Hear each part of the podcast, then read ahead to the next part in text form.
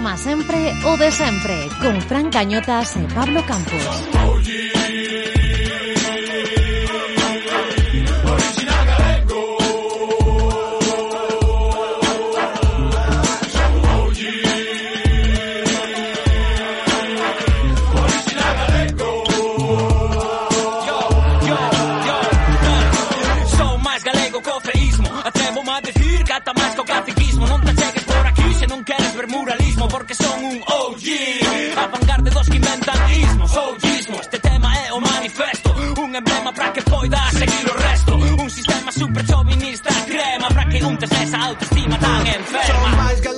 Ola, ola, que tal están, señoras e señores? Quen contaba?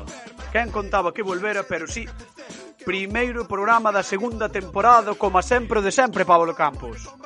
Renovamos, eh, Fran. Renovamos. Eu non, estaba, non ca, tiña estaba caro renovar. Non tiña todas comigo de que renovaso como sempre, pero aquí estamos nunha segunda temporada. A verdade é que tomamos dous meses de vacacións, que ben os merecíamos e agora xa estamos dispostos para volver. Vale, pois imos a veña, que a xente sei que está agardando que comentou moito por redes sociais. Señoras, señores, comeza, como sempre. O de sempre. Son máis galego que un polvo nunha palleira, que un polvo a feira sobre un prato de madeira, que unha balleira nunha leira de bebedoiro, que termo primeiro e logo xerreira. Son tan galego que se subo, subo para arriba, se non hai fallo baixo, baixo máis ancho que un rancho. A cooperativa UG non ten despacho cacho temos sede, sede de beber nalgún furancho.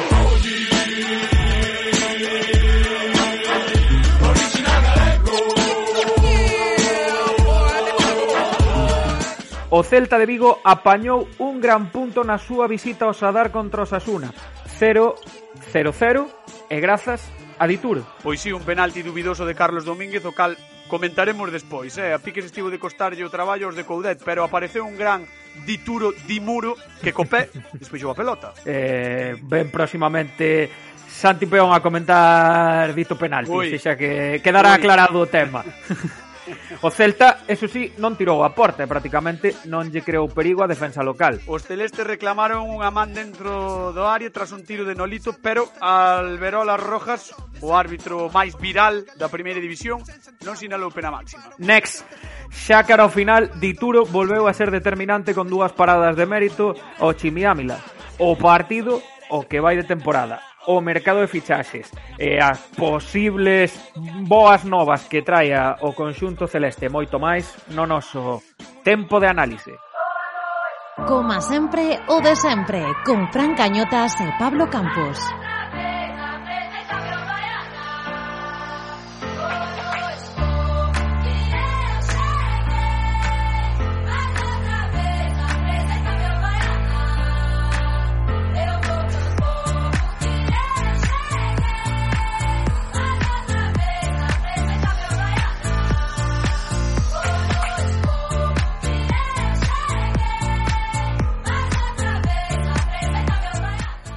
Bueno, bueno, nova temporada, pero vellos costumes. Están con nós coxe para este tempo de análise Santi Peón da cadena Cope. Que tal, Santi, como estás? Hola, Fran, ¿qué tal? Muy buenas a todos.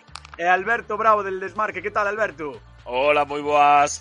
Bueno, eh, É o primeiro o primeiro tempo de análise do como sempre de sempre. Sodes uns privilexiados, tedes vos que sentir así, porque sí. chamar chamar a xente tan importante como a vos a estar no noso primeiro programa, no noso, noso primeiro podcast da segunda temporada. Non había máis. Non había máis, a verdade é que nós vamos buscando. Estaban de vacacións, todo todos de vacacións. De vacacións. ¿eh? Foi foi dicir, que volve a das vacacións, Santi, por vámonos joder este.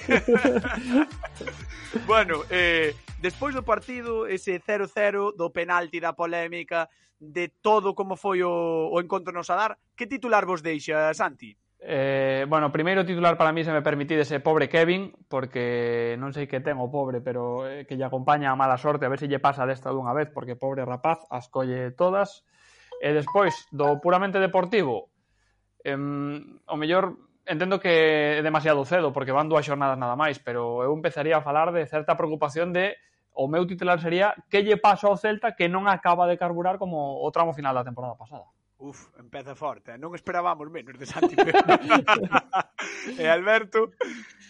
A ver, eu falando só do partido de onte, diría que Matías Dituro no 98 aniversario do Celta lle regala un punto ao Celta, porque é a realidade do partido, pero estou de acordo en Santi. Non non van poucos partidos, eu non teño dúbidas de que o equipo vai estar na zona media da táboa ou incluso un poquinho máis arriba, pero é importante sumar unha vitoria pronto para despesar dudas e que non se xeneren ese certos dos medos cos que empezaron as campañas anteriores e que ao final pois, pois provocaron que xogásemos o filo do descenso todos os, estes últimos anos. É que o partido de hoxe de, fe... de hoxe, sí, de onte de feito, eh, cero tiros a porta, por sete do Asuna, algunhas ocasións eh, do conxunto local bastante claras, sen contar o, o penalti. De feito, estábamos eh, Fran e eu de, antes de, de, de gravar mirando o resumo que sube a Liga a Youtube e todas as ocasións eran do, do Asuna. Non sei se é algo eh, bueno, un partido concreto, é algo un momento puntual ou é unha tónica que se está xerando no, no Celta? Non sei que opinas ti, Santi. Eh, bueno, eu penso que levamos dous partidos e as análisis que se poidan facer evidentemente teñen que estar acotadas a estes dous partidos porque non temos moito máis. O que si a mí, por iso falo un tanto de, de preocupación sempre entre comiñas, no? que a xente entenda, evidentemente non hai motivo para estar preocupado porque isto non fixo máis que empezar. Pero a cuestión é que o 7 de agosto, o 7 deste de mes, hai cuestión de 15 días, a primeira parte do Celta no Molineux fronte ao Wolverhampton a todos enamorounos, aínda que son consciente, evidentemente, de que estamos a falar dun equipo de outra categoría, ou, bueno, de outra liga eh, que estábamos a falar da pretemporada, e, sin embargo, non vimos de momento nada daquela primeira parte do Celta. E sobre todo preocupame porque levamos dous partidos eh, o de onte, bueno, eu penso que o do partido do Sadar é moi sangrante porque cos futbolistas que ten o Celta en ataque, ningún brillou, ningún deles. En defensa parece que seguimos a ter os mesmos problemas de todos os anos. Isto xa eh, casi que o ano 1 despois de Cristo o Celta, eh? o Celta tiña problemas defensivos eh, e o problema é que en ataque non está a funcionar prácticamente que ninguén. Eso é unha cuestión recurrente, claro eh, os dous partidos, o do Sadar e o, o do Atlético de Madrid, pero que hai futbolistas que non fixeron prácticamente nada en ningún dos dos partidos eh, é cedo, isto acaba de empezar, estamos en agosto, pero penso que hai xente con galóns neste equipo que ten que empezar a funcionar canto antes, porque claro, pasan as xornadas, isto sempre estamos co mesmo. Isto acaba de empezar, non hai moito problema, tranquilidade, pero claro, que seguimos así, despois vão ao Atleti de Bilbao, despois hai parón, despois hai que ir ao Bernabéu, e ao final, con estas bromas, eh, méteste nos últimos días do mes de setembro e volves a estar na pelexa por non descender a estas alturas. Eu, para que vos fagades unha idea, Alberto, xa deixo que, que contestes tamén sobre os tiros do Celta eh, ou sobre a, pro, a producción ofensiva do Celta. Eu, para que vos fagades a idea, facía moito tempo, e isto estou dicindo de verdad, que non me quedaba dormido nun partido do Celta e onte pasoume. Pode claro. ser que influíse que estaba un pouco de resaca, tamén, pero pero sí que é certo que quedei dormido na, na, na segunda metade e iso que foi a boa, supostamente, do Celta. Sí, non, pero o que estamos falando é de que os horarios da Liga son absolutamente infames. Sí, non sí, se pode sí. poñer un partido ás 10 da noite un luns porque a xente o día seguinte traballa. Traballa e moitos traballan temprano. Eh, xa pasou co Celta ou pasou como Madrid o domingo que acabou casi ás 12 da noite. Non, non é normal. Pero eu entendo esa sensación de, de, de aburrimiento por parte de, de algúns aficionados, pero eu quero ver ao lado positivo, compartindo todo o que di Santi, eh, voume quedar con outra parte, que ante o Atlético de Madrid xogas mal ou non xogas todo ben, é o actual campeón, e aínda así tiveches unha de aspas clarísima e logo no desconto dous tres ocasións aí rozando o balón no que podiches conseguir un punto. E sen rematar a porta eh, no Sadar eh, xogando de sendo inferior tamén o Sasuna, que o Sasuna con moitísimas ocasións sacas un punto. Entón se todo o malo que está facendo o Celta eh, lle permite pois casi empatar contra o campeón e logo nun campo maldito onde sempre eh, ao Celta lle pasan cousas porque é moi difícil xogar contra o Sasuna contra ese xogo eh, aéreo eses centros nos que o Celta sempre sofre eh, esos segundos balóns que nunca chega e sacas o punto, pois, bueno, pois vamos a pensar que este fin de semana poderemos sacarlle o mellor outro puntiño ou unha vitoria ao Athletic Club e así irnos ao primeiro parón de seleccións eh, pois bastante tranquilos. Se non pasa, eh, hai que recordar que despois do Atleti de Bilbao e do Real Madrid chega unha seira de partidos que son contra rivais inferiores eh, ou do mesmo nivel que o Celta e aí sí que o Celta debería sumar e debería empezar a ser ese equipo recoñecible o que lle faltan fichases, o que lle falta acoplar xogadores e a partir de aí sí que eu creo que vamos a ter que exixir dio puntos e xogo Celta. Pero a día de hoxe, tal como dixo onte e Coudet eh, estivemos a pretemporada como a fixemos, con xogadores que non pudieron participar, xogadores que chegaron tarde, el contaba cos fichases moito máis pronto e non pasou nada diso, e sen embargo, bueno, o Celta compite inda que non xogue ben.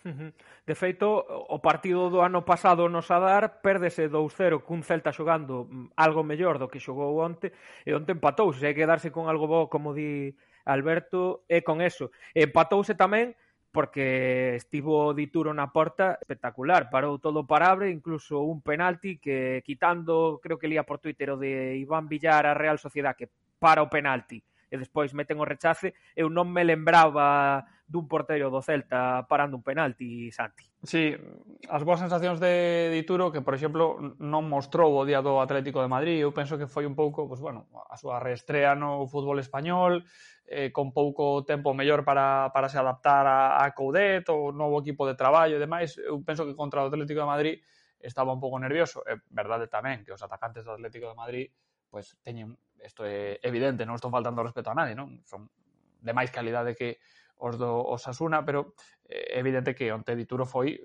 ademais de longo, mellor futbolista do Celta, non, non só polo penalti, é que eh, desbarata un par de oportunidades do Chimi Ávila no treito final do partido no que porque nos vamos, eh, que viu eh, a vernos a todos e, e, e Dituro foi quen de, de parar todas esas oportunidades porque senón eu penso que o resultado eh, tivera sido outro. E, con respecto ao que dicía Alberto, eu penso que, insisto moito nesto, eh, son consciente de que estamos na xornada dúas, pero eu penso que o problema é a mensaxe, e quizáis aí temos moito que ver os medios de comunicación, porque levamos dende o treito final da temporada pasada mandando a mensaxe deste Celta, Coudet, se renova, se segue, se fai o equipo o seu gusto, e de momento nada de nada, e segue Coudet, e trouxo a varios futbolistas do seu propio pedido, e aínda así seguimos igual, igual non, Estamos a día de hoxe peor do que rematou o Celta a temporada pasada. Entón, claro, dicía Alberto, e que despois do Real Madrid ven unha xeira de partidos contra equipos do noso nivel ou de, me, do, de peor nivel. A pregunta é, despois destas dúas primeiras xornadas,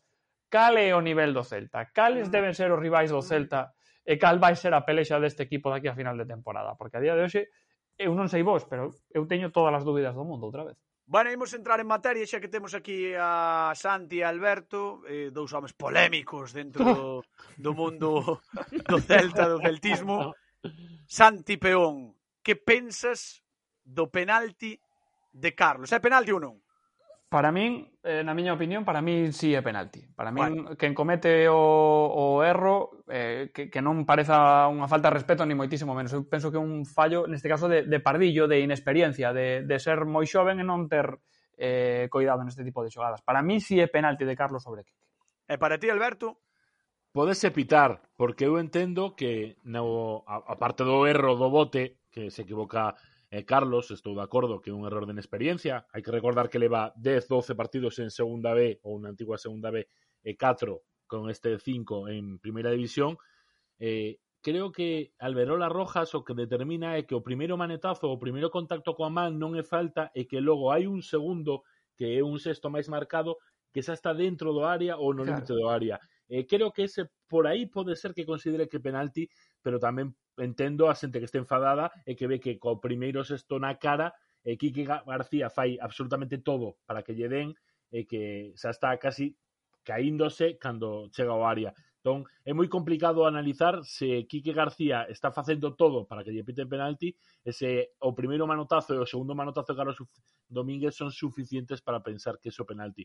Pero no, podería pitalo isto é como todo, sabe máis o vello por diaño que por, o sea, claro, o, estamos, estamos o diaño falando... por vello que por diaño, e aquí que aquí que García, vamos, vai de volta e media nesa, claro, nesa claro, acción. Estamos falando un día inteiro de 30 e pico anos, eh, con moitísimos partidos na elite contra un rapaz de, de 20 que está empezando nisto. Eh, eso é lógico e normal eh, e o pease que vai ter que pagar eh, Carlos Domínguez este, esta tempada e posiblemente varias tempadas máis, porque un dos postos máis complicados de aprender en primeira división é o posto de defensa central. Sobre todo no Celta, que ainda, ainda é doble, doblemente difícil. Aí eh, aprendes eh, máis. Sí, no sí, Celta, aprendes claro. máis, sí, depende de como mires, non? O claro, podes máis, aprender ou, máis. Ou non aprender sí, nada. Sí, ou non aprender nada, pero tamén recibir máis. Tens que mm. recibir sendo central do Celta, tens que recibir por todos os lados. E a polémica da, da man de, de Osasuna no centro de Nolito, a ver, veña, contádeme que quero saber as vosas opinións para despois sacar o corte e poñer en, en Twitter a un popular opinión, veña. Alberto, empeza ti. Veña, pois eh, eu creo que o pode pitar e de novo o pode non pitar, está demasiado cerca.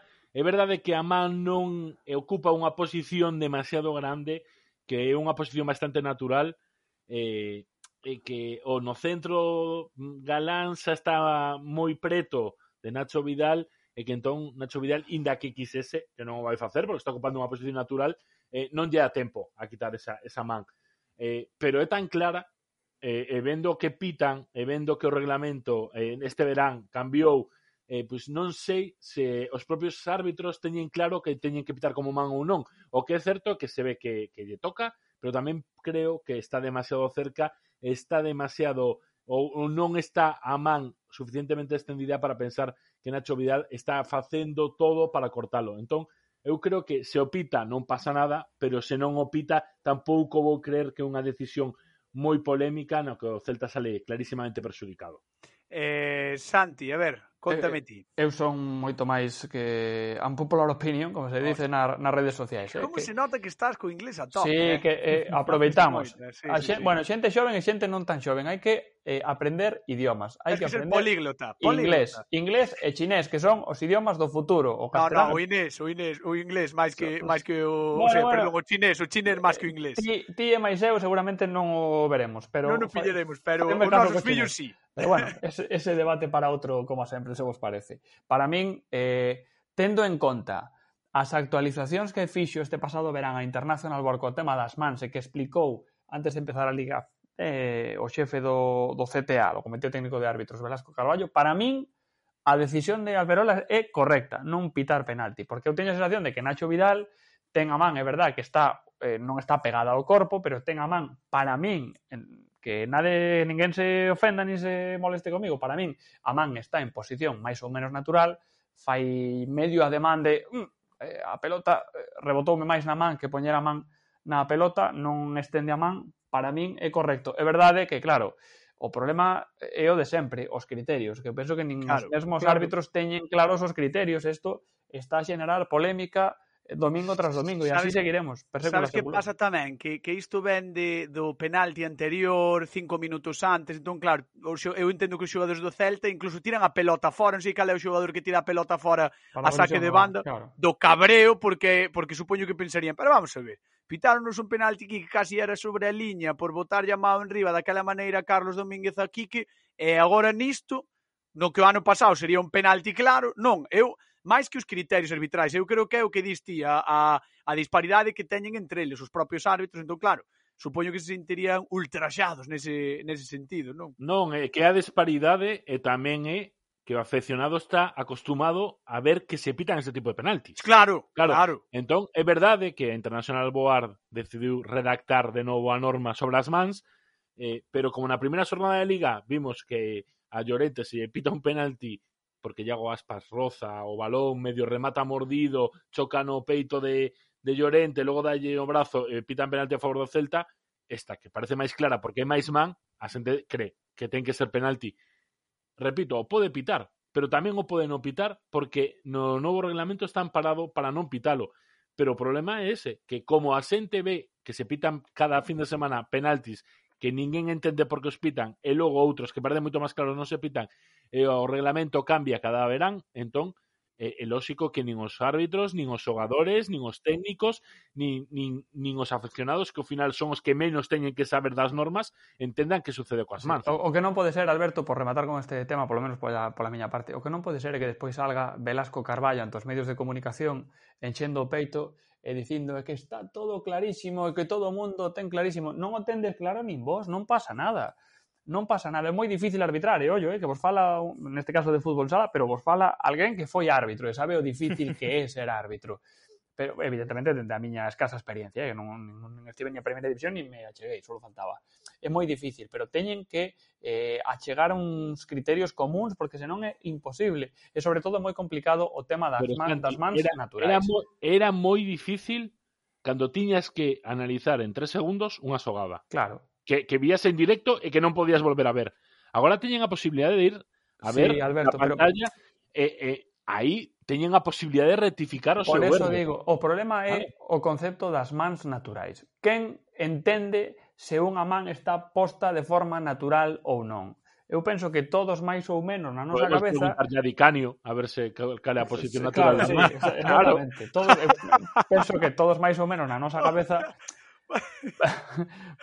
podemos ter eh, unha imaxe ou unha serie de xogadas que poden ser mans naturais dentro dunha área. Pero claro, que hai certas cousas que xa exceden o coñecemento de todo o mundo. E isto o único que está a xerar é polémica, polémica, polémica e máis polémica e poñer claro. os árbitros no centro da diana semana tras semana. Tamén, tamén che digo, eh, Santi, eh, o colectivo arbitral eh, fai menos autocrítica que o colectivo por xornalístico, eso, eh, por, que por, difícil. Por, bueno, home, onde vai parar? Onde vai parar? Por, ese, por, eso, por eso digo que digo de Velasco Carballo. Eu cando, cada vez que fala Velasco Carballo en Deportes Cope na provincia de Pontevedra, Velasco Carballo leva leva un par de collejas porque que, é que non, non ten sentido ningún o que di.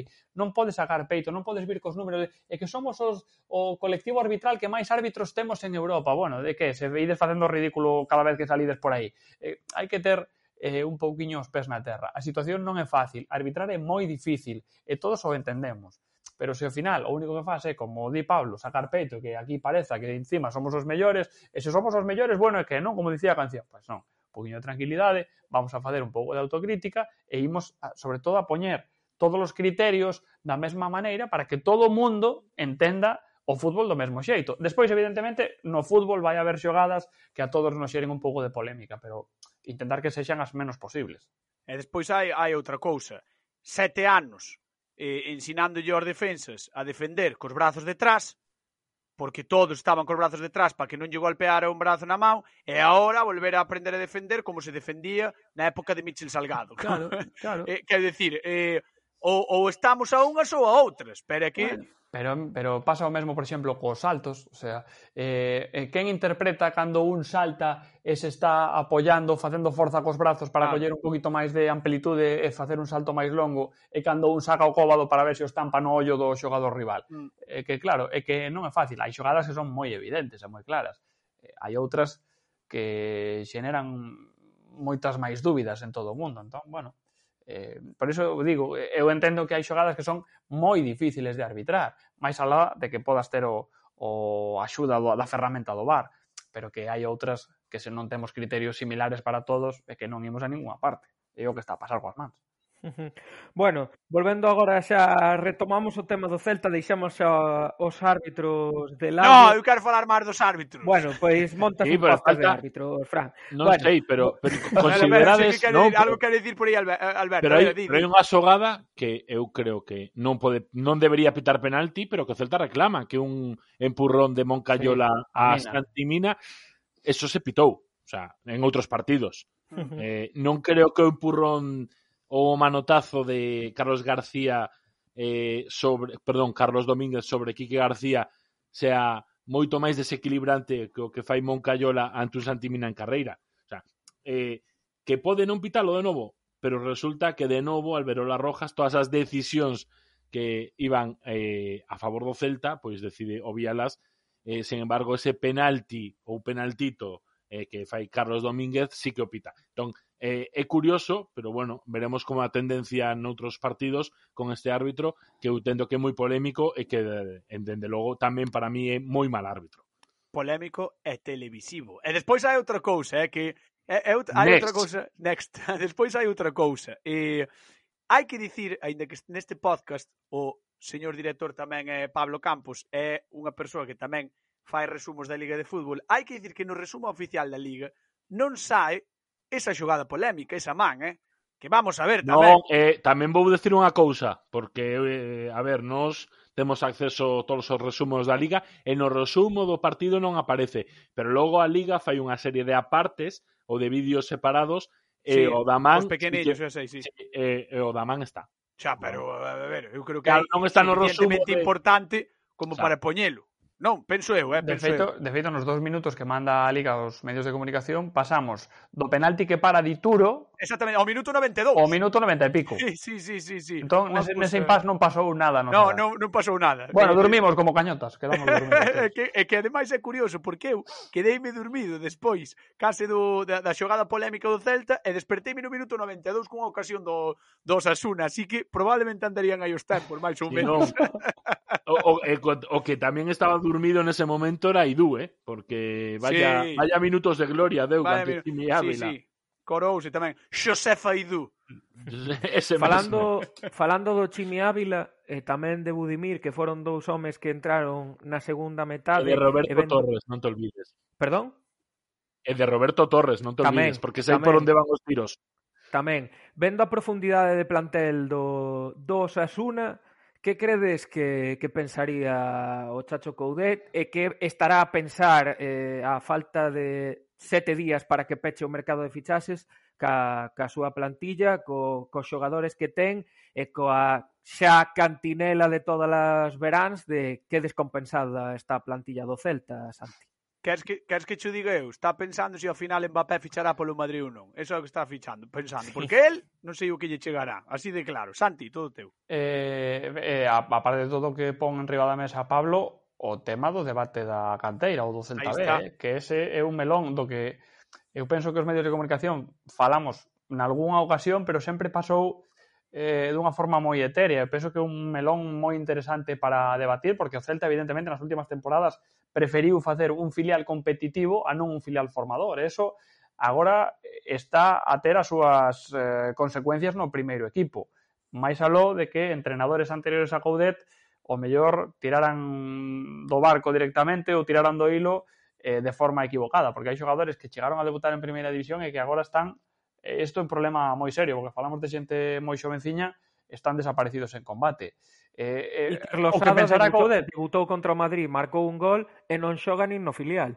Bueno, eh, eh mira a situación de Gabri Veiga, mira a situación de Miguel Rodríguez, e eh, que, por desgracia, podemos poñer en riba da mesa, a Pablo, moitos sí. nomes, e insisto, é moi grave porque hai xente moi xoven que o mellor nun momento determinado eh, se puido ver con opcións de pasar a formar nalgún momento eh, parte do primeiro plantel e é evidente que Coudet quere un equipo competitivo no que a canteira, salvo os futbolistas que xa están consagrados, os Hugo Mayo, Iago Aspas, Brais e compañía, é evidente que Coudet non confía nos equipos da canteira, máis aló do que parece que acontece entre Coudet e Onésimo, onde parece que non hai moito entendemento. En canto á pregunta que facíades, que pensara Goudet? Eu penso que se Goudet eh, aló por xuño, cando renovou, pensaba outra cousa de que, do que iba a ser o mercado de verán para o Celta e que non sabía onde estaba, porque aquí estamos a falar sempre do mesmo. El quere un equipo competitivo, el eh, quere ter eh, voz de mando no clube. Sí, moi ben, pero que o Celta a día de hoxe, por moitas circunstancias, chega ata onde chega.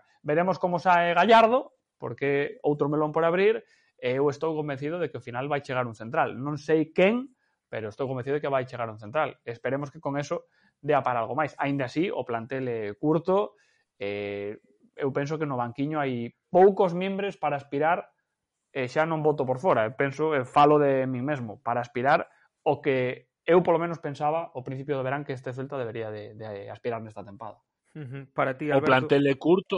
Non, é evidente que o plantel é curto. O sea, non, non hai dúbida porque o vimos onte que con tres baixas, eh, baixas de xogadores que non debería ser nin sequera eh, importantes no Celta, como é Miguel Baeza, Fontán, porque está nese proceso de, de, de empezar a sumar minutos en Primeira División, e Hugo Mayo que sí que é o capitán, pero que tes un relevo que non o fixo de todo ben onte, que por encima ou por enriba caeu lesionado como é o pobre Kevin, pero que non perdiches a Aspas, non perdiches a Denis Suárez ou a Renato Tapia ou, ou a xogadores como Brais Méndez que son o mellor as primeiras espadas do Celta.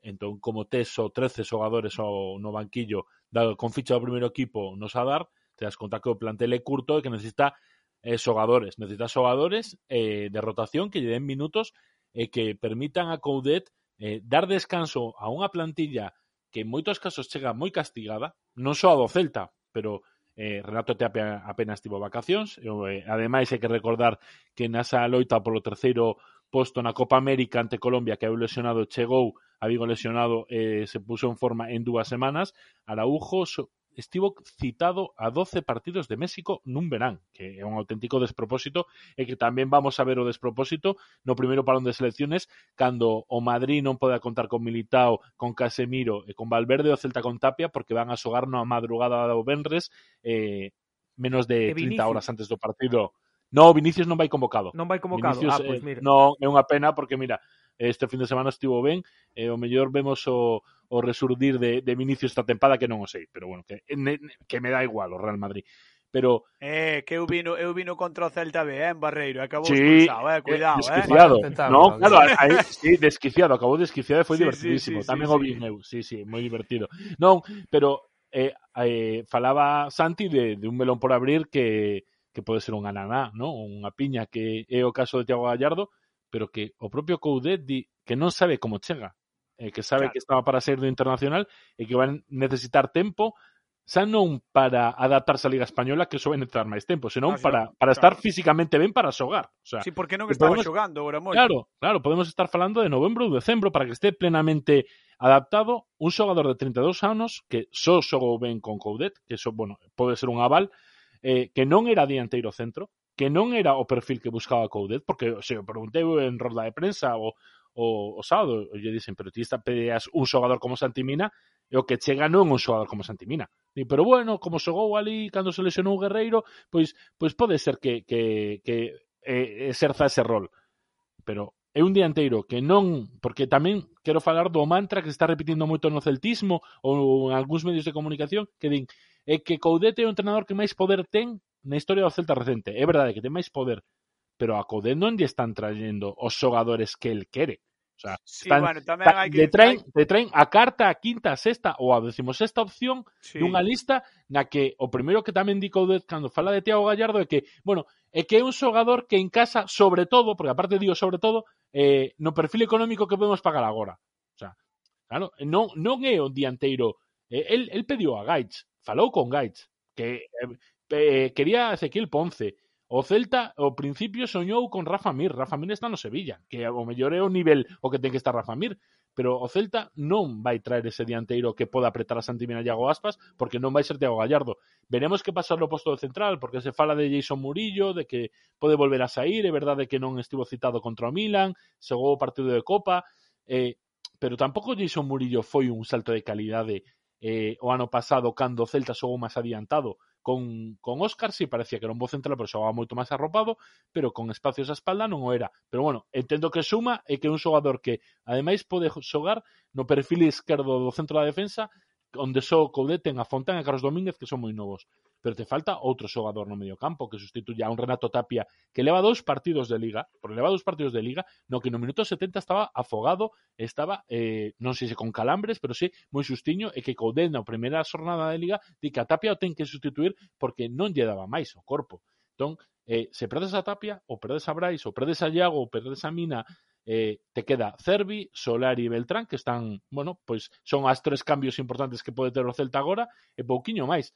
Eh, o certo é que o Sasuna, que é un equipo con un presuposto inferior, Sé que pode ser que non teña esas grandes estrelas como pode ser as dous, tres que ten o Celta, pero ten unha plantilla moito máis longa, moito máis compensada e con muitísimas máis variacións. E sobre todo no posto de ataque, eh, resulta curioso que o Celta que quere xogar con dous dianteiros sempre, como Sasuna, só vai a traer, eh, claro, que só vai a traer a un xogador que non sabemos como está. En lugar de ter como mínimo dous dianteiros suplentes porque te van facer fal falta. Mm eh, o que decías de, de, de Coudet, de, sí, ten moito poder, pero bueno, xa sabemos como ano Celta, ten moito poder hasta que deixe de telo, o sea, tampouco claro, eh, é que... que Javi Galán chega a Vigo como chega, eu creo que Santi Peón sabía perfectamente como chegou, a negociación como foi, eh, echa, eh, eh, eh, o propio Coudet recoñece, Javi Galán chega a Vigo porque non se pode conseguir a cesión de Arón Martín, que era o objetivo número un do Celta, volver a conseguir un cedido. Eh, eh, cando a, a negociación con o Mainz eh, que saí no kicker alemán e din que non entendían como negociaba o Celta, porque é moi complicado entender como negocia o Celta, eh, en moitas portas o Celta se han pechado por a maneira que ten de negociar, eh, volvou a facer o mismo co Huesca. Eh, cando parecía que todo estaba firmado co Huesca, estaba medianamente cerca, cerca eh, o Celta volveu de novo a intentar as rebaixas, eh, foi cando, bueno, pois pues, ao final, eh, cando Coudet di eh, que isto é unha mala broma, porque non lle están llegando os fichases, eh, ten unha plantilla cortísima, curtísima, eh, é cando o Celta decide ao final pagar eses 4 millóns de euros ao Huesca. Non hai negociación de eh, te dou 3 e un en variables, non, o Celta paga 4 e o único que consigue é pagar 4 con aplazando algún dos, dos millóns que vai pagar en seis meses un e logo creo que outro a final de tempada. Pero é o que consigue, pero é porque Coudet volve a encontrarse cun equipo no que perde a Murillo, perde a Aaron Martín e chega aos Estas de Marbella e non ten absolutamente ningún fichaxe salvo o de Dituro que chega o primeiro día Estas que é unha opción low cost e a de Cervi que era unha, un fichaxe que se suponía que estaba cerrado en decembro e que ainda así tuvimos un mes de culebrón con Cervi co Benfica. Bueno, pois veremos que, que é o que pasa. Eu creo que, como dís Santi, vai ser unha semana un, igual un tanto movida, pero non como, como debería ser. Eh, haberá, pois eso, a chegada de, do dianteiro e igual un central eh, pouco máis. Santi Peón, Alberto Bravo, moitísimas grazas por estar neste tempo de análise do, do como sempre o de sempre. Que tal a volta ao traballo, Santi? Ben, ben, sí, ilusionado, ben. sí, sí, nese compromiso que ten un cos seus ointes, pois, pois con gañas, ben, ilusionado, e eh, despois sí o, o que ten o noso traballo e vos o sabedes igual que a min e que despois non depende de nós. Ti podes poñer toda a carne no asador, pero se a pelotiña non entra na portería rival, pois pues, ah, pouco hai que facer, así que bueno, que, que sexa unha boa temporada para todos e sobre todo que sexa unha boa temporada para o como sempre, e que aquí, ahí está, aquí tendes está. a un amago de xornalista Dios. que, bueno, cando queirades me podedes chamar. E despois xa vos direi eu se poido ou non poido entrar, pero polo menos em, me podedes chamar. Emocionome cas, cas túas verbas, compañeiro, sí, sí. camarada Santiago, sí, pero sí, te emocionas moi fácil. Témolo, Vou bloquear no WhatsApp. e, al, e Alberto, ti que tal? Estiveches de vacacións ou non? Sí, tive un par de semaniñas, eh, creo que vou coller vacacións agora no primeiro parón de seleccións por menos unha semaniña para desconectar e para coller con forza eh, a tempada ata decembro, que cando ¿Ves? tamén vamos a ter outro parón, eh, e logo, pois, como, como dixo Santi, eh, nos podemos intentar facelo todo ben que, que, que sepamos, que no meu caso é pouquiño, pero o certo é que se a pelotiña non entra, se, se non pasan as cousas que teñen que pasar no Celta, pois vamos a, a ter pois menos noticias que contar, inda que a veces hai noticias que non queremos contar, como esa rolda de prensa incendiaria de Carlos Mourinho, ou como esas declaracións de Coudet falando da canteira e desnudando un pouquiño ese grandilocuente lema de canteira celeste, a canteira canteira, somos a canteira, que sabemos que no caso do Celta B, que este ano podería ter a 15 xogadores fichados de fora, pois non é tanto canteira eh, nun juvenil que o ano pasado non o fixo ben, que este ano veremos como se reconstruye, pero que tamén está tendo fichases de fora. Entón, canteira polo agora, polo menos, ou un pouquiño menos, pero con ganas de, de contar goles, contar vitorias, e contar, por que non, que Iago Aspas volva a selección, e que o Celta loita por Europa. Darían, daríanos, daríanos para facer un especial sobre sobre a canteira e sobre o Celta pues B, pois sí. eh? e sobre a polémica tamén de da Axencia de Representación e todo o que pasou, porque hai moita xente incluso que me que me preguntou por Twitter, había que falar desto, había que tal, eh? É que hai que, que falar desto eh? porque é moi grave. Eh, sí, eso sí. un apuntamento de 10 segundos porque aquí como non temos unha publicidade que nos vai entrar. No, no, no, no, no, non te preocupes. Eh, a ventaxa que teñen os podcast, eh, pero eu non quero pensar que eh, non, non en Riazor o próximo domingo pero que nunha das primeiras jornadas de, de Liga o Celta B saia eh, campo con Ezca Campos de porteiro, Tomás Carrique lateral dereito, Javi Castro central, Alex Martín central, Fernando Medrano lateral esquerdo, Jordan Holsgrove, Carlos Beiti Alex Carbonell no medio Javi Castro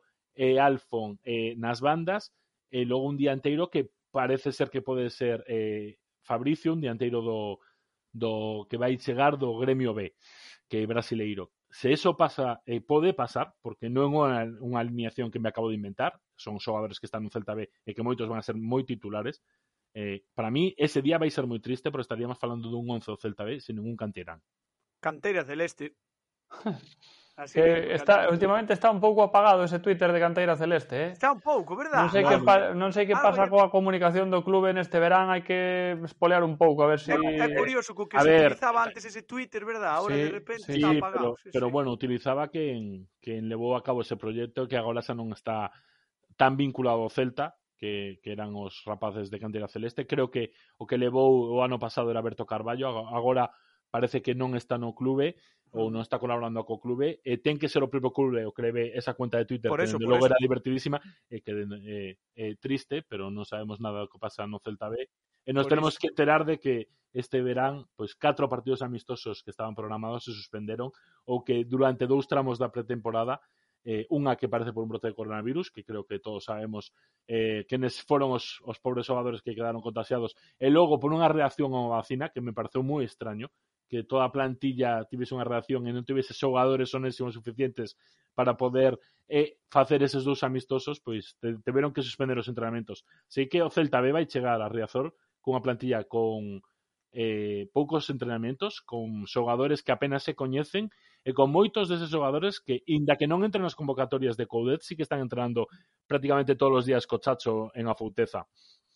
Bueno, pois veremos que é o que pasa esta fin de semana en Riazor. Despídovos que Santi Peón ten ganas de ir á piscina. Dixo antes que quería ir refrescarse, que vai moito calor por aí, non Santi? Estes días fai un calor que... Uf, a, a mí gusta o calor, pero isto é sí, un pouco exagerado. sabes por qué? Porque os bombóns como a ti ao sol derrétense, sabes? A, entón, así, claro. así rematei hoxe claro. o, o programa, o noso programa en COPE. Dixen, eh, os sí. bombóns, sí, hai que ter moito cuidado con estas cousas, porque ahora sí. xa sabes que a xente toma todo moi a mal, pois claro. está a xente moi nerviosa.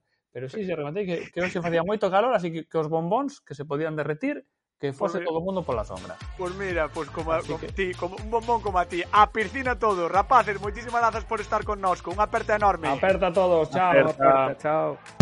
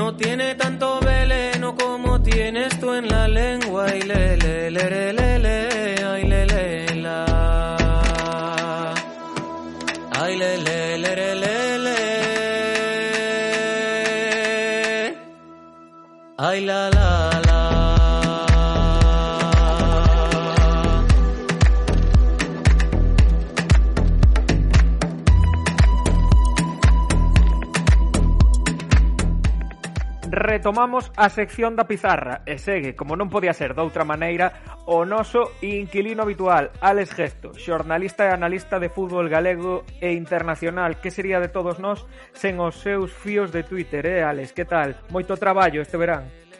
Moito traballo e, e coido que aínda quedará algo, pero, pero contento ben, satisfeito e encantado de volver aquí outra tempada máis. Dixeras a temporada pasada que che gustaba analizar partidos, sobre todo cando o Celta non, non gañaba.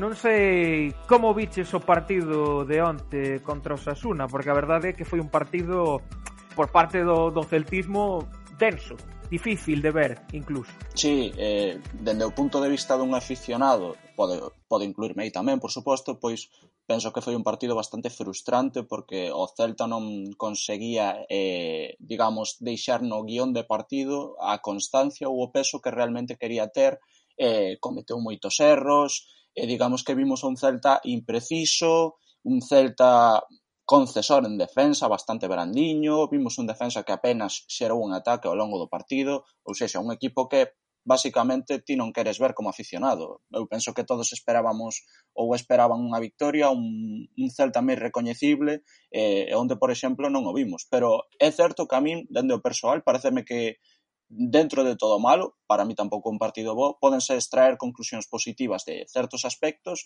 e comparando ou matizando eh, fronte a outros encontros da tempada pasada que podían ter eh, escenarios semellantes ou contextos semellantes, penso que o Celta agora atopou ou está a ver eh, pequenos atisbos de cousas ou realmente cousas que neses contextos anteriores non tiña e que poden ser positivos ao longo da tempada e non só xornada a xornada, senón durante todo todo o que queda de temporada. Evidentemente, eh, no plano negativo, eh, temos que falar da nula creatividade en ataque, non? Pero falas tamén de que hai cousas positivas a destacar no partido do ante do Celta. Cales dirías ti? Eu, mira, eh, a propósito desa eh, incapacidade creativa, poderíamos decir, eu penso que o Celta Ese atasco que sufriu atrás que sufrían moitos partidos fóra de casa, pois en certo modo viuse apagado en moitas xogadas por, pola presencia dun xogador que é unha peza, pareceme que vai ser importantísima neste tipo de contextos, eh, como a Javi Galán, que Javi Galán eh, nese contexto de partido nos que os centrais non atopaban xogadores profundos, nos que Dituro arriscaba moito con pases profundos e eh, terminaban erros, ou que Tapia e Denis non conseguían eh, escalonarse e atoparse ben en diferentes alturas, pois Galán tiraba de, de individualidades, tiraba de boa conducción, de velocidade, de quebrar presións, eh, era capaz de, de levar ao Celta a campo rival nun partido no que realmente estivo moi espeso.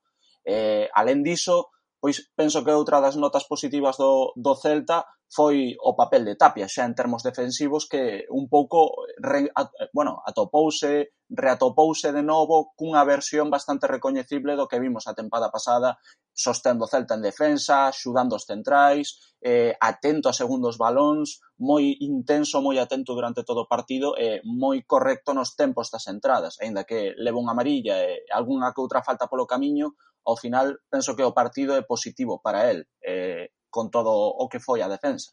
De feito, eu pensaba onte que é probable que co estilo de xogo que estamos aro Celta do Chacho, que Tapia na xornada 6 teña que cumprir ciclo de amonestacións, porque que realmente é o que distí, é o que apaga os lumes no Celta e onte viuse claramente con esa contra de Osasuna. Sí, está claro, está claro. Dende, bueno, xa dende o ano pasado quedaba claro que era un xogador que chegaba para iso, no? para, para ser un pouco eh, un complemento máis á defensa, que equilibrase o equipo, que toda esa parcela ofensiva que ton o Celta tivese un sustento detrás eh, xa sexa porque ten moito recorrido, moitas capacidades defensivas ou mesmo polo tema das faltas porque un xogador que é capaz de cortar o xogo en momentos clave. Eh, lembrome agora, por exemplo, do contraataque, esa entrada na que tan, tan digamos, visual na que corta esa xogada de Perico que tiña o Sasuna, que é unha tarxeta, baixo mi perspectiva que, aínda que dura, a fai con inteligencia, porque era un, unha situación de bastante perigo, un replegue, eh, o Sasuna chegaba con bastantes homes á área, pois ese tipo de accións Tapia eh, durante a súa estancia en Vigo a, as leva facendo eh, partido tras partido e eh, está claro que esta tempada pois para o bo e para o malo, eu creo que volveremos a ter ese, ese xogador. Eh, o de onte é un pouco unha, unha proba diso. O papel de Kevin eh, respecto á ausencia de Hugo Mayo, como viches? Eh, evidentemente son xogadores diferentes, malia compartir posición, e eh, tamén creo que eh, respetando o traballo de Kevin, e eh, que é un xogador que sempre cumple, sempre deixa todo o que ten no campo. Eh, eu penso que, que o partido de onte quedou un pouco grande a nivel individual. Eh, no sentido ofensivo, por exemplo, eh, o Celta botaba en falta a profundidade de Mayo, esa capacidade que ten para incluso para progresar por banda, non como Galán, evidentemente, pero de outro xeito, eh, mediante progresións, paredes, pois Kevin era un lateral moito máis eh, cauto nos seus movimentos. En defensa penso que gran parte do, do buraco defensivo que tiño o equipo en moitos momentos viña por esa banda, porque Kevin saltaba igual fora de tempo ou atopábase moi dividido nos uns pa uns, eu creo que Manu Sánchez fai un partido moi bon ese carril e ponlle moitos aprietos ao Celta. Eh, por desgracia Kevin nese sentido penso que tivo un partido bastante bastante mellorable, pero bueno, cabe dicir que é, é lóxico porque non é o titular, eh, era un contexto complicado claro. para el, eh, Eh, todo isto. A, a, min dame, a min dame a idea de que é un xogador que que precisa minutos de xogo para atopar, bueno, como todos, non, pero que el que se lle nota que precisa minutos de xogo para atopar o seu nivel óptimo.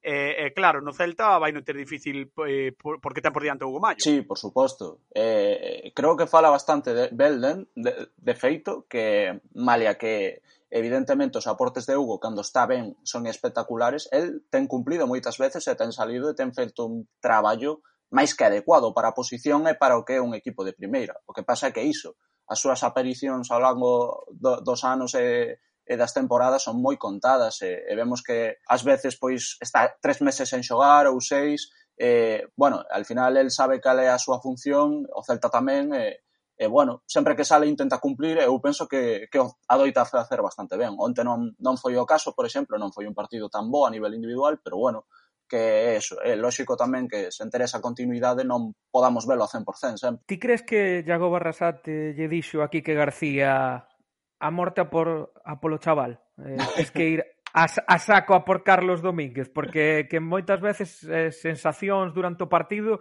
era iso, que, que, que un dianteiro experimentado que vai moi ben por arriba, que intentou de, moitísimo. de, de todas as maneiras intentou ya facer a Carlos Domínguez E bueno, fixo ya no posible dubidoso penalti.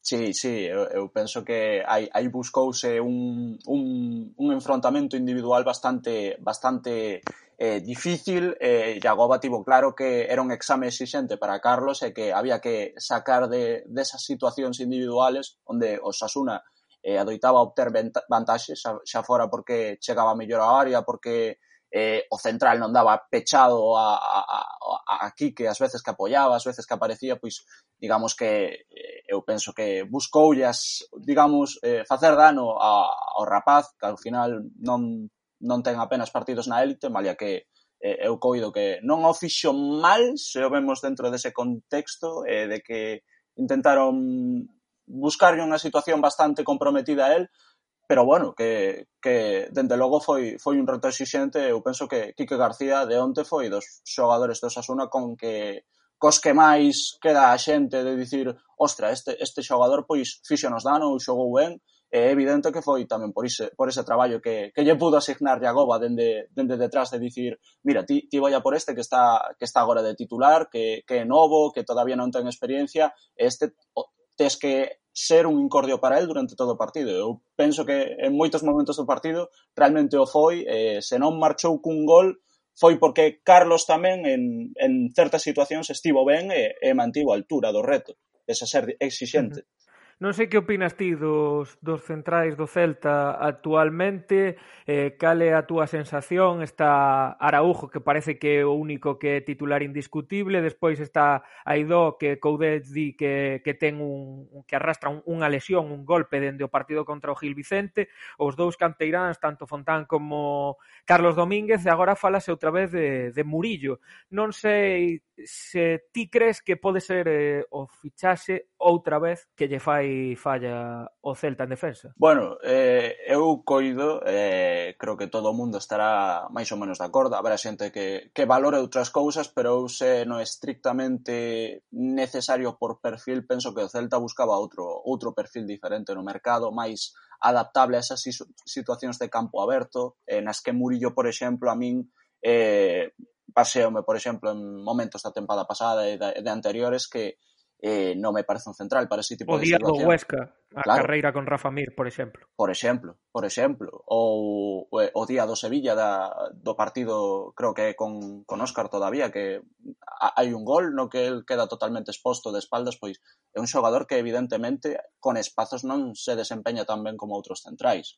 Eh, tampouco é un central que vaya a axudar a salida de balón como pode axudar agora mesmo un Fontán ou un Carlos Domínguez, como viuse antes, por exemplo. A min pareceme que pode aportar moitas cousas no sentido de, de veteranía, de galóns, de duelos individuais, incluso na área, se atopase ben, a min pareceme que preto da área un central magnífico, eh, que cumple perfectamente, pero dentro deses escenarios de partido que adoita ter o Celta de Coudet, eh, como víamos a temporada pasada, intentando defender con espazos cando teñen a pelota, e intentando atacar dende atrás construindo a xogada pouco a pouco cos centrais, quizás non é o xogador por características que mellor encaixe, a verdade, pero bueno, eu coido que de feito esta xornada, se hubiera estado sano, hubiera sido, eh, bueno, se hubiera estado directamente, Fontán habería sido titular xunto a Araujo esta tempada, penso que Araujo vai ser titular e Araujo, malia erros e malia as dificultades que poda ter tamén neste tipo de escenarios, penso que se adapta bastante mellor que, que Murillo, que ten feito partidos aceptables neste nese rendimiento para o eh, perfil que el eh, creo que se ha de valorar e, eh, e ao final é un xogador que xa ten ao igual que Murillo certos galóns e eh, certa experiencia no equipo, ou sexa que a min, por exemplo, esa, esa presenza non me, non me molesta tanto, ao igual que, que a de Fontán, aínda que, por exemplo, na primeira xornada sí que o vimos bastante verde no sentido de que tivo erros, viuse nervioso, tivo bastantes momentos malos, pero, pero bueno, que outras veces ten feito papeles magníficos e, e saíamos contentísimos pensando que Fontán eh, ia ganando experiencia, ia gañando minutos de valor en primeira, eh, que pouco a pouco podía sentarse como un xogador de primeiro equipo. Bueno, eh, falamos tamén de, de Tiago Gallardo, que se despediu do Internacional de Porto Alegre, que ven cara a Galicia para fichar polo Celta, 32 anos, un home que, bueno, obviamente ten moita experiencia xa eh, no fútbol, sobre todo brasileiro, só tivo unha, unha aventura no Xapón, 15 equipos, se non me equivoco, no Brasil. Eh, que nos podes contar deste dianteiro? Que lle pode aportar o Celta do Chacho? É certo que xa, que xa se coñecen, pero que agarda o Chacho del? Bueno, eh, basicamente, eh, remítome ao que contou o Chacho en rodas de prensa, que lle preguntaron por el tamén recentemente, pois o Chacho que busca nel é, eh, sobre todo, un, un xogador para, para a parcela ofensiva e penso, sobre todo, para o posto de nove. Quizá non tampouco é o nove que buscaba de primeiros o Celta, penso que igual era un plan C, un plan D, ou incluso un plan F, por dicir algo, pero... ten, ten, cuida, ten cuidado que hai adestradores que por dicir eso tiveron que deixar o equipo, eh? Non sería o primeiro adestrador xa. bueno, pero eh, que ao final eh, nah, malo será que voten, non, non hai fallo. Eh, nah, a ti non te votan, non te preocupes tampouco. Eh? Aquí queremos. Quedas aquí con nós, non te preocupes. Ah, perfecto, perfecto. Pois iso, que basicamente penso que chega para cumplir esas tarefas de nove que pode ter agora Santimina cun perfil diferente, pero que tamén podería servir en todo caso, porque é unha posición na que tamén xogou no Inter de Coudet nese rol de aspas de dianteiro máis eh, liberado de tarefas de fixación, con capacidade para aparecer por dentro, apoiando, asociándose, porque é un perfil de dianteiro físico, alto, de un 92, bastante bo no xogo de espaldas, non tanto como a mina, non tan potente, parénceme a mí, pero sí bastante máis fino, lixeiro en movimentos, máis esbelto como xogador, e entón pode cumplir esas dúas tarefas, non? Pode ser a referencia que reciba balóns de espalda e cumplir ben e asociarse ben porque ten moi boa moi bon manexo de balón, e tamén pode ser un xogador máis incluso creativo por dentro, sobre todo en tres cuartos, que en tres cuartos penso que é onde eh, máis dano fai aparece, onde eh, millor rendiu na súa carreira nos últimos anos, que ao final eh, como comentaba eu no, no traballo que fixen sobre el, é eh, eh, algo que, que se sabe, eh, Tiago Gallardo comeza sendo centrocampista e co paso dos anos vai adiantando a posición. Eh, na época do Ceará, eh, que é un equipo de Brasil do, eh, da primeira división, pois eh, aí estrenase como goleador, comeza a ser dianteiro e xa con Coudet dentro dese ecosistema máis coñecido polo Celta e polo celtismo, e iso, varía entre 9, entre 10 incluso, eh, nesas dúas posicións é onde vai eh, levar a cabo o seu fútbol, basicamente. Eh, non, non sei se sabes máis ou menos como ven de forma, porque eu polo que, polo que estuve mirando, perdeu bastante espazo no, no equipo titular eh, co, co uruguayo, co adestrador con Diego Aguirre do Internacional de, de Porto Alegre, e non era titular, partía dende o banco de suplente. Non sei se mm, ven co, co, con toda o punch que, que debería. Eh, agora mesmo, pois, pillasme, porque non, non o teño moi claro, pero Pero bueno, que ao final se chega con Coudet, penso que entrará rápido en dinámica de entrenamentos de equipo, eh, Coudet tamén coñecerá máis ou menos os estados de forma do xogador e poderá eh, averiguar ben en que momento pode xogar un partido inteiro ou en que momento pode sair do banquillo ou en que momento non lle compensa polo menos sacalo, sabes? Eh, sendo coñecedor del, pois supoño que non terá demasiado problema en, evidentemente aí eh, hai que xogar co equilibrio, non? Dun adestrador que xa coñece un xogador e eh, que moitas veces eu firmo incluso... que chegue, eu firmo que chegue como chegou Solari, con oito partidos nun no último ano e eh, chegou sí, sí. e eh, eh, a tope. Eh, chejar a encher, como dicimos aquí, non? Chao. Bueno, pois Alex Gesto, moitísimas grazas por estar neste primeiro, como sempre, de sempre da segunda temporada. Sempre é un placer escoitarte. Eh, vai afinando aí posibles fichaxes ou que vayas intuindo ti que pode pasar nestes, nesta última semana de, de mercado, porque teremos que fazer un especial do mercado de fichaxes ao rematar, pois, sí. non digo eu. Si, sí, oh, dende logo, dende logo, pois nada, estarei atento a, a ver que, que move por aí Miñambres e, e a dirección deportiva e, e este, que intentarei estar a cola deles. Pégame un toque a Miñambres para que nos veña ao programa. Pégalle un toque que veña por aquí. Alex Gesto, moitísimas grazas, un placer. Nada, grazas a vos.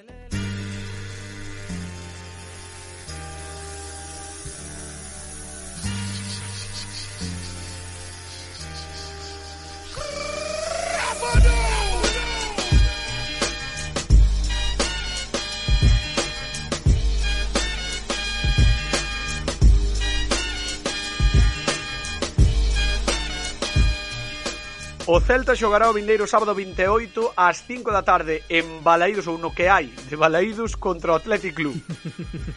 ben apuntado esa. Os de Marcelino tampouco coñecen a vitoria no que vai de temporada e suman dous empates fronte Elxe e Barcelona. Marcelino recupera a Unai Simón na porte, Ander Capa e Óscar de Marcos para os laterais. Gerai será dúbida ata última hora e serán baixa por lesión Íñigo Córdoba, Pero no las coain Yuri Berchiche, Alex Pecharromán e Kenan Codro. No Celta, como xa comentamos, Kevin será baixa por mor do golpe que recibiu no partido contra Osasuna na cara Baeza tamén será dúbida e Fontán sí que seguro non estará disponible para Eduardo Coudet. Por certo, Fran, tamén fin de semana importante porque debuta o Celta B. Sí, e como non podía ser de outra maneira, en Riazor contra o Dépor, creo que vai ser sobre as 9 da noite, horario Champions para para o Celta B no municipal de Riazor. Home, que isto do, dos novos dereitos da Primeira Federación, xa verás, xa oh. verás a que a que se vai montar eh, cos partidos. Pero bueno, Eh, agardamos que o Celta... Ser, digo que vai ser, vai ser unha, unha boa feira porque ademais non se biches que a Federación anunciou que a Televisión de Galicia daba os partidos dos galegos e ao momento a Televisión de Galicia, os compañeros do Enxogo, desmentiron iso mesmo, é dicir, non se enteran nin entre a propia Federación a operadora Footers que está a negociar con TV3, coas autonómicas, bueno, ca TVG, pois nin entre eles se enteran e, e vai, vai estar interesante tamén o tema dos dereitos, eh? Pois si, sí, vai ser un puntiño engadido para unha temporada que, que se se prevé difícil, xa que lembramos que poden descender ata seis equipos de 20 do, do mesmo grupo, xa que vai ser unha auténtica carnicería. Pero, bueno, no que respecto ao partido eu supido unha cousa, é que xogue Alfon en Riazor. Claro, é que Alfon xa cada vez que xoga en Riazor dáselle ben, entón, mellor que xogue que, que, que quede no, no banco, que estivo convocado, por certo, esta fin de semana eh, co Celta, estivo, estivo nos a dar, así que a ver que tal se lle dá a Alfon o partido contra o Deportivo da Coruña. Señoras, señores, ata aquí chegou este primeiro, como sempre de sempre, nova temporada, novos retos, novas ilusións, eh, temos pensado tamén facer algunhas cousiñas a ver como vamos distribuindo o tempo porque agora entre o traballo e todo non temos tanto tempo campos é máis Home, eu, eu entre os rallies e o Arzúa non das abasto máis. Claro, eu que era unha persoa de, de, de pouco traballar, agora, agora de repente teño moito que traballar, então claro, está complicado o tema. Señoras, señores, que nos vemos a semana que ven. Chao, chao. Veña, ata a próxima.